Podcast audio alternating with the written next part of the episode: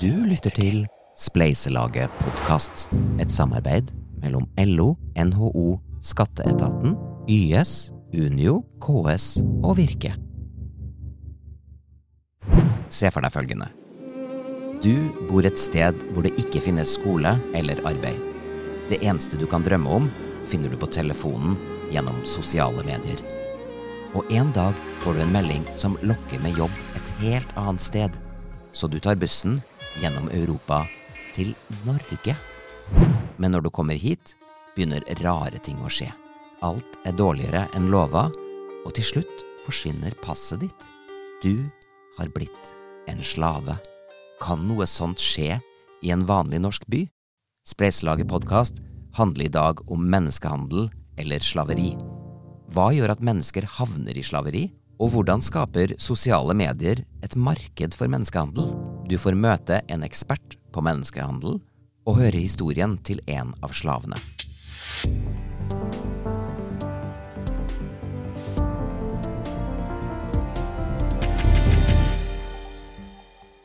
Nå er vi ute et sted i Oslo, Et sted i Oslo. Ja. men vi sier ikke hvor. Nei, det kan vi ikke si. Her er det hemmelig adresse. Jeg ville aldri ha trodd at det var noe spesielt her. Nei. Det vi ser rundt oss er jo småhusbebyggelse. Du ser noen blokker, eh, du ser Oslofjorden, men du kan ikke vite så veldig mye mer om det huset som er bak meg. Leif Tore Solberg jobber i Frelsesarmeen, og huset bak ham kalles Filemon Safehouse. Stig på. Takk. Dette her er et safehouse, et trygt sted. Og de som bor her, de skal vite at ingen finner de. De skal vite at når de legger seg på natta, så står det ikke noen utenfor og hamrer på og vil ta de. Her nå er vi i hjertet av eh, huset. De som bor her, er menn fra 18 til 70 år som har flykta fra slaveri i Norge. Såpass alvorlig ser Norge på slaveri at det siden 2015 har blitt gitt penger fra staten for å drifte dette huset. Eh, Her ser det jo faktisk litt sånn eh, hjemmekoselig ut. Her er det faktisk noen som har nettopp forlatt stua og Ja, ja, ja. og, Og, og gjennom eh, YouTube så kan du få kontakt med hjemlandet ditt og Ja. se noen snutter, enten om du er fra Tyrkia eller om du er fra Bulgaria. YouTube og Bulgaria er to av stikkordene for den fortellinga du nå skal få høre.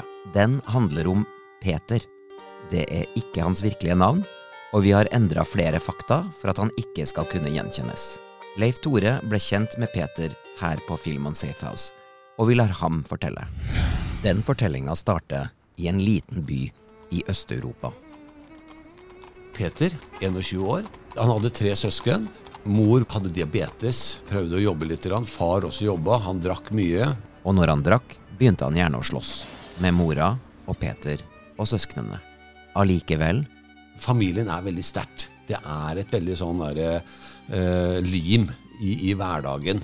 Det er ikke mye man har, men familien har man. Og Peter, samvittighetsfull, han vil gjerne tjene penger. Ikke til seg selv nødvendigvis, men til familien. Og så en dag får Peter høre om Basrak. Vi er på landsbygda.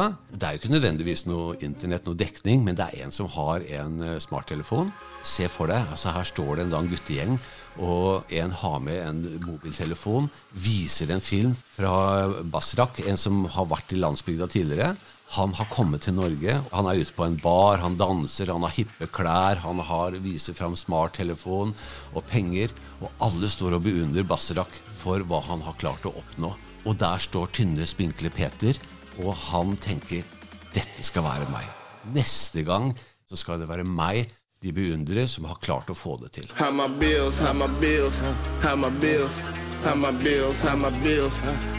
Gjennom Facebook hadde han sett at det var en ledig jobb i Norge, og han får hjelp til å knytte seg bekjentskap der, setter seg på bussen og, og kommer til Norge.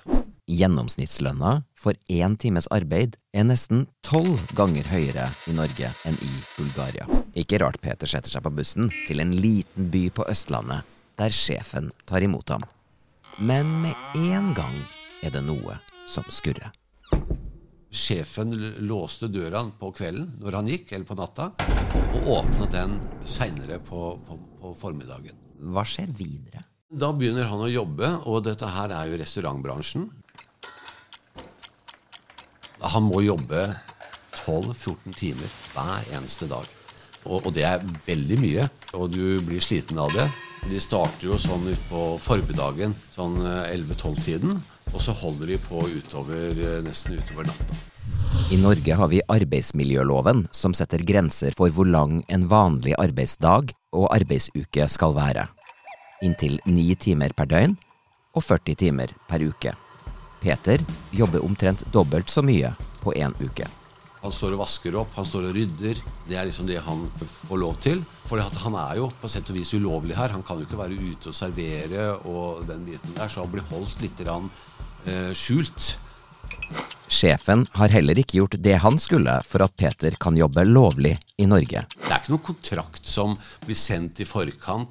Det er rett og slett bare muntlige avtaler. Så sjefen bygger opp en sånn tro på at uh, alt kommer til å ordne seg? Alt sammen skal ordne seg. ikke sant? Bolig og, og et sted å sove, et sted å være, og jobb vi, vi, fra Norge har jo et personnummer, ja. men er du fra utlandet, så trenger du D-nummer.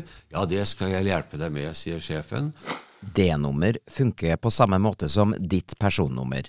Elleve siffer, unikt for deg. Det må du ha for å åpne bankkonto, gå til fastlege, leie bolig og betale skatt. Uten D-nummer mister Peter rettigheter og blir mer og mer avhengig av sjefen. Synes du denne tromminga er slitsom?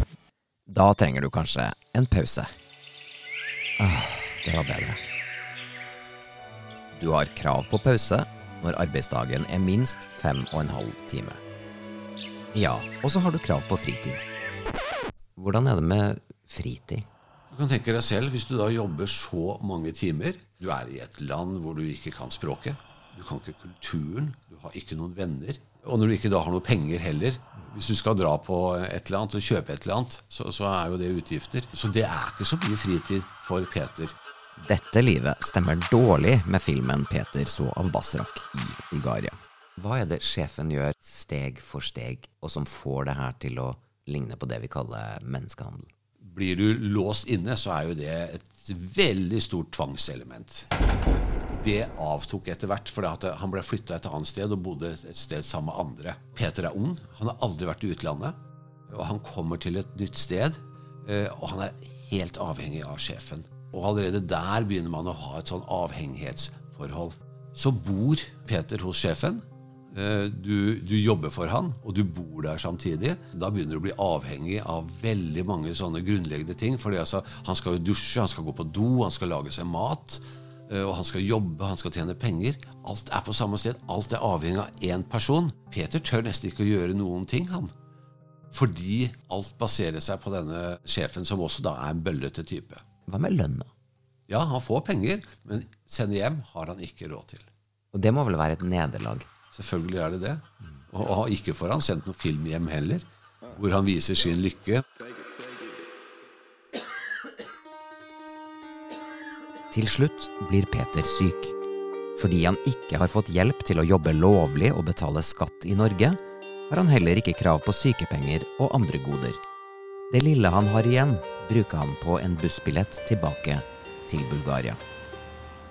Hvordan det går videre med Peter, får du høre litt senere. En slave er en person som er i en situasjon som man ikke ønsker å være i, men som man vanskelig kan komme ut av. Det kan være at man er truet, fysisk eller psykisk. Man kan være på en plass som man rett og slett ikke vet hvor man skal gå for å komme ut eller komme videre. Og man kan rett og slett føle at dette er den eneste måten man kan tjene litt penger på. Petra Kjellen Brook jobber også i Frelsesarmeen, og er ekspert på menneskehandel. Hun peker på fire spor du kan lete etter for å avsløre slaveri. Først litt fort. Så det er lav pris, kontant betaling, kvittering og arbeidstid. Og så litt saktere. Det første jeg ville kanskje ha sett etter og vurdert, det er prisen. Så lav pris, still noen spørsmål. Så hvis noe er mistenkelig billig, bør du tenke deg om. Hvordan du betaler, er også et spor. Hvis du kun får tilbud om å betale kontant, eller hvis VIPS-nummeret går til en privat telefon, da ville jeg vært litt forsiktig. Og det tredje det er å be om en kvittering. Kan de ikke gi deg en kvittering, da ville jeg også vært litt tilbakeholden. Det fjerde og siste sporet handler rett og slett om å se. Hvis du på en måte er i butikken eller er i kebabsjappa og ser at de samme personene er på hele tiden, da ville jeg også lurt hvorfor er de det? Hvorfor jobber de døgnet rundt? Vi tar med oss Petra på en virtuell dagstur gjennom Oslo, på jakt etter de fire sporene. Å starte altfor tidlig. På en byggeplass. Der er det vanskelig å høre noe pga. støy, men nesten like vanskelig å se ting som er feil. Og hvis de jobber høyt oppe i lufta, f.eks. Hvis de skal jobbe på et, på et bygg som har mange etasjer og en stillase Her er det mange etasjer. Ja, ikke sant? Og de som jobber på toppen av det stillaset, Mm. ser det ut som de er sikret, da. Hvis de skulle dette av stillasen, Mm. detter de rett ned i bakken? Er det noe som tar imot? Har de hjelm? Har de sikring? Eh, Osv. Altså, er det rett og slett fordi at man tar bedre vare på, på, på, på andre arbeidere enn en slavene? Ja, Man kan se at det er A- og B-lag. Så går vi innom kjøpesenter eller eh, butikk. Her selger de klær. Ja. Kan det foregå menneskehandel her, da? Du kan se på selve klærne. Denne T-skjorten koster 99 kroner. Den er laget i Bangladesh. Ok, Bangladesh ligger på nesten andre siden av jorda. Er det rimelig at en T-skjorte koster 99 kroner når den på en måte er laget på andre siden av jorda, skal fraktes hit, den skal oppbevares, den skal pakkes opp, og så skal de som jobber i denne butikken få en god lønn for å faktisk serve meg med denne T-skjorten til 99 kroner? Litt sånn type mistenkelig billig. Ja, det er liksom når det er ikke bare er på salg, men det er billig allikevel, så tenker jeg at da er det lurt å stille noen spørsmål. Og hvis vi nå går inn i en restaurant, sånn som den Peter jobba i, Mm. ville vi ha tenkt at han var utsatt for menneskehandel, tror du? Problemet er at du ville ikke ha sett han. Han ville mest sannsynlig ha vært bak den der døra som du ser servitøren går inn og ut av. Og kanskje til og med de som jobber på kjøkkenet, ikke nødvendigvis har sett ham, for han står bak enda en dør, for han står i oppvasken. Eller så jobber Peter på restauranten på nattestid, når ingen er der. Og skal du ta en jobb i restaurantbransjen, så er det viktig at du etterspør grunnleggende ting som kontrakt og lønn, arbeidstid osv. For det er lett å utnytte folk i sånne typer jobber. Og en annen type jobb hvor vi hører en del om eh, ja, litt sånn ugreie arbeidsforhold, det er i bilvasken. Jepp. Jeg håper å si hvorfor det. Ja, det kan du si. Du skal vaske ganske mange biler for at det skal lønne seg da. å ha en ansatt som koster deg mye penger. Det gjør at lønnsomheten går veldig fort ned. Da er det mye lettere å rekruttere en av disse her litt desperate menneskene. Og si at ja, men du kan jobbe her for en billig penge. Det er ganske mye kjemikalier eksempel, i en bilvask. De bør ha beskyttelsesutstyr på seg, verneutstyr og ordentlige klær. Men hvor mange mennesker havner egentlig som Peter i slaveri? Et av drømmereisemålene til nordmenn er Spania. Et land kjent for sine fotballspillere, varme og strender. Og her bor det rundt 50 millioner mennesker. Like mange som Global Slavery Index mener at det fins slaver i verden. Og når ferien er slutt, kunne vi reist til, tja, Notodden, Arna utenfor Bergen eller Kvaløysletta utenfor Tromsø. På alle disse stedene bor det over 9000 mennesker. Like mange som man tror at det fins slaver i Norge. Og det er jo en liten norsk by. Det er en liten norsk by, skjønner du. Dette her er ulovlig. Hvorfor holdes et sånt system i gang likevel? Det er lukrativt. Du tjener grovt med penger. Mafiaen, f.eks. i USA, de har gått ifra å selge bare narkotika til menneskehandel. Og det er jo fordi at et narkotikum, et gram heroin eller sånn, kan du selge én gang, og så er det borte. Det er én handel, det er én transaksjon.